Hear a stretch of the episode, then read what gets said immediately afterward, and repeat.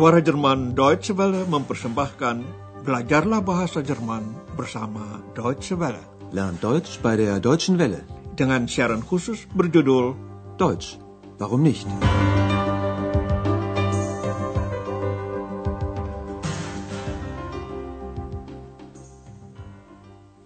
Saudara pendengar, hari ini dapat Anda ikuti pelajaran ke-20 dari seri ketiga.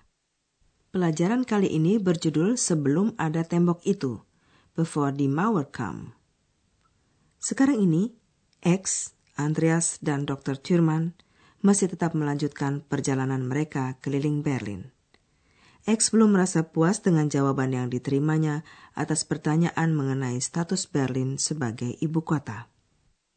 Penjelasannya begini, dari tahun 1945 hingga tahun 1990 ada dua negara, Staaten di Jerman, dan kota Berlin dibagi menjadi Berlin Barat serta Berlin Timur.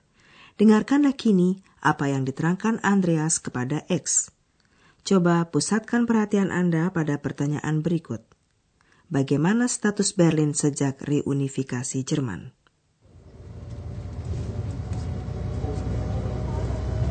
Ist Berlin nun Hauptstadt oder nicht? Also, Berlin war bis 1945 Hauptstadt. Danach gab es ja zwei deutsche Staaten. Die Bundesrepublik Deutschland, die BRD, und die Deutsche Demokratische Republik, die DDR. Als es die beiden Staaten gab, war Bonn die Hauptstadt der Bundesrepublik und Ostberlin die Hauptstadt der DDR. Und heute? Seit der Vereinigung von 1990 ist Berlin wieder die Hauptstadt von Deutschland. Entschuldigen Sie, Herr Schäfer, bevor wir weiterfahren, möchte ich Ihnen das Brandenburger Tor zeigen. Kommen Sie, wir steigen aus.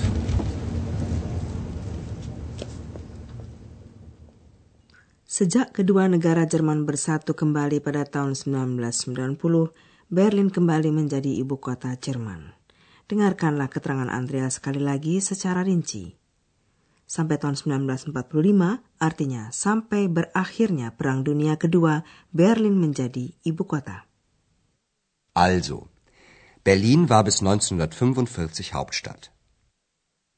Seusai perang itu, Jerman dibagi menjadi dua negara, yaitu apa yang dulu kita kenal sebagai Jerman Barat atau resminya Republik Federal Jerman, disingkat BRD, di satu pihak dan Jerman Timur atau Republik Demokrasi Jerman disingkat DDR di lain pihak.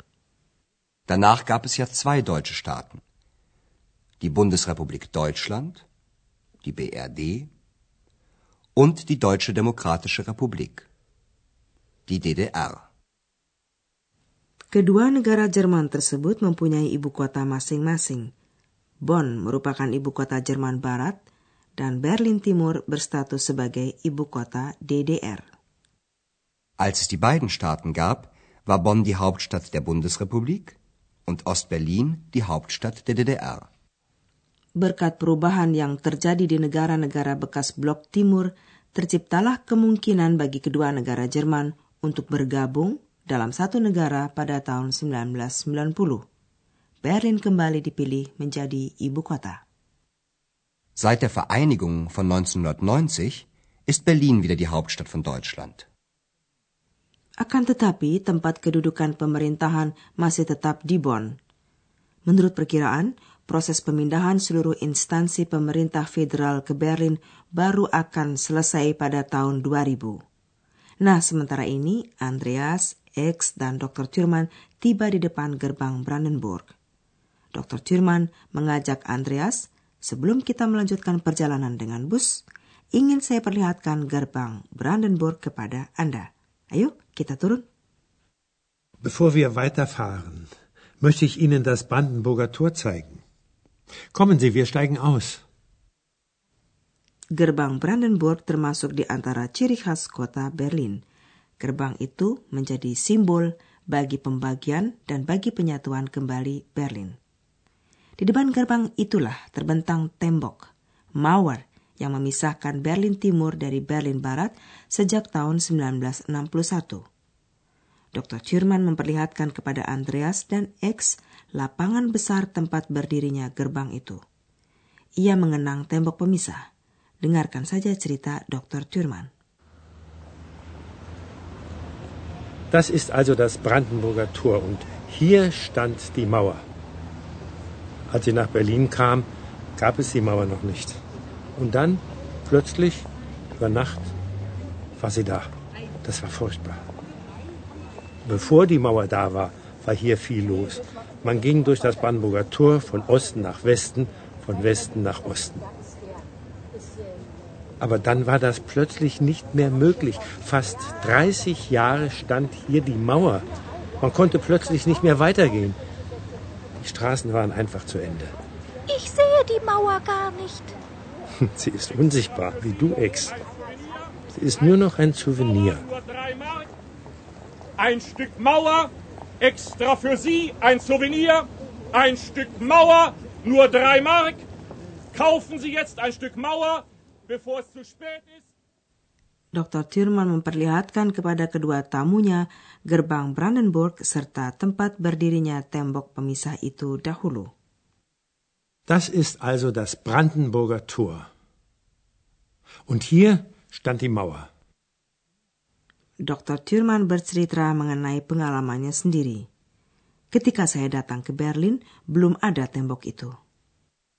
Als ich nach Berlin kam, gab es die Mauer noch nicht. Tembok itu didirikan secara mendadak dalam waktu satu malam, über Nacht, dengan tujuan pencegahan supaya tidak lebih banyak lagi warga Jerman Timur melarikan diri ke barat. Und dann, plötzlich, über Nacht, war sie da. Dengan berdirinya tembok itu, tiba-tiba keluarga-keluarga dan teman-teman terpisah. Mereka tidak dapat bertemu lagi. Hal itu dirasakan sebagai hal yang mengerikan. Furchtbar. Das war furchtbar. Memang pembagian kota Berlin menjadi dua bagian sudah berlangsung sejak tahun 1945. Akan tetapi, sampai tahun 1961 masih ada kemungkinan pergi dari satu bagian kota ke bagian lainnya. Sejak berdirinya tembok, hal itu tidak mungkin lagi. Dr. Thurman mengenang masa sebelum didirikannya tembok tersebut. Sebelum ada tembok itu, katanya, tempat ini ramai. Orang melewati gerbang Brandenburg dari timur ke barat, dari barat ke timur. Bevor die Mauer da war, war hier viel los. Man ging durch das Brandenburger Tor von Osten nach Westen, von Westen nach Osten. Setelah adanya tembok itu, tiba-tiba hal itu tidak mungkin lagi. Aber dann war das plötzlich nicht mehr möglich. Baru setelah dua tahun, yaitu pada bulan Desember 1963, penduduk Berlin Barat diperbolehkan mengunjungi Berlin Timur selama satu hari. Pada waktu itu, orang yang berjalan-jalan di Berlin selalu akan sampai pada tembok yang mengelilingi seluruh wilayah Berlin Barat itu. Menurut cerita Dr. Thurman, kadang-kadang jalan begitu saja terputus. Fast 30 Jahre stand hier die Mauer. Man konnte plötzlich nicht mehr weitergehen. Die Straßen waren einfach zu Ende. Ex bingung.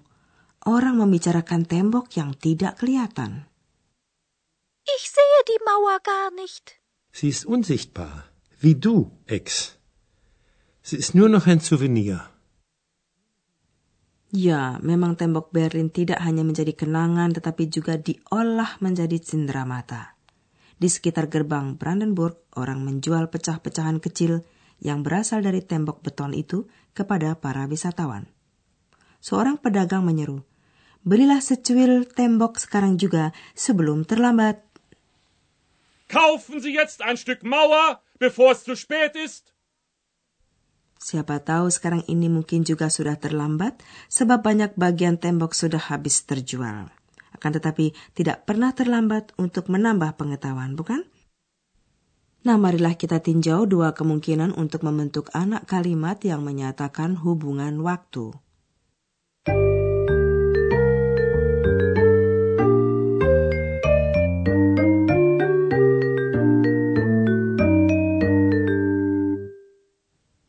Konjungsi sewaktu, als diawali anak kalimat yang menyatakan hubungan waktu, dalam hal ini hubungan waktu bersamaan. Als ich nach Berlin kam, gab es die Mauer noch nicht. Sesuai dengan kaidah yang berlaku untuk anak kalimat, dalam anak kalimat seperti ini pun verba menempati posisi paling akhir. Dengarkanlah contoh tadi sekali lagi. Als ich nach Berlin kam, gab es die Mauer noch nicht. Peristiwa atau keadaan yang dinyatakan dalam anak kalimat yang diawali dengan als berlangsung pada waktu bersamaan dengan peristiwa atau keadaan yang dinyatakan dalam kalimat induk. Berikut ini satu contoh lagi. Als es die beiden Staaten gab, war Bonn die Hauptstadt der Bundesrepublik. Dengan konjungsi sebelum, before, juga diawali anak kalimat yang menyatakan hubungan waktu. Dengarkanlah contoh berikut ini. Bevor wir weiterfahren, möchte ich Ihnen das Brandenburger Tor zeigen.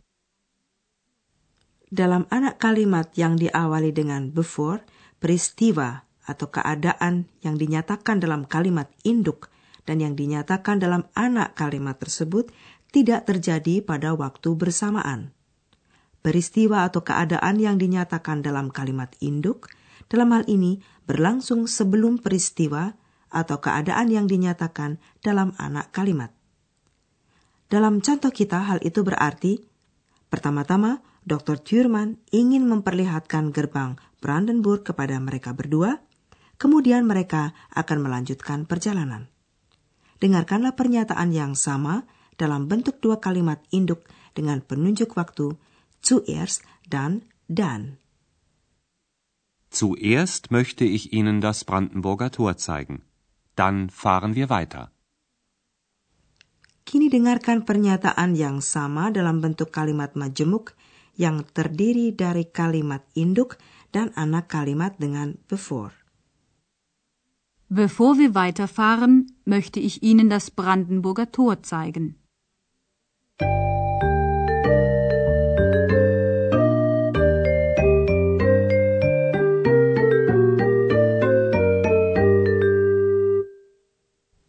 Tibalah saat bagi Anda untuk mendengarkan percakapan tadi sekali lagi dengan santai Perhatikanlah baik-baik.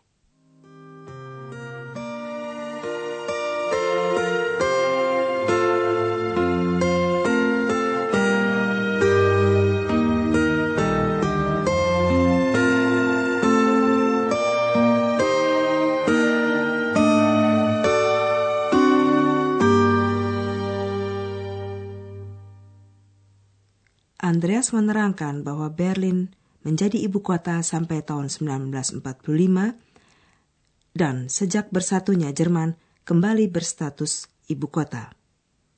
Dr. Thurman mengingat tembok tinggi yang mengelilingi wilayah Berlin Barat dari tahun 1961 hingga tahun 1989. Das ist also das Brandenburger Tor und hier stand die Mauer. Als sie nach Berlin kam, gab es die Mauer noch nicht.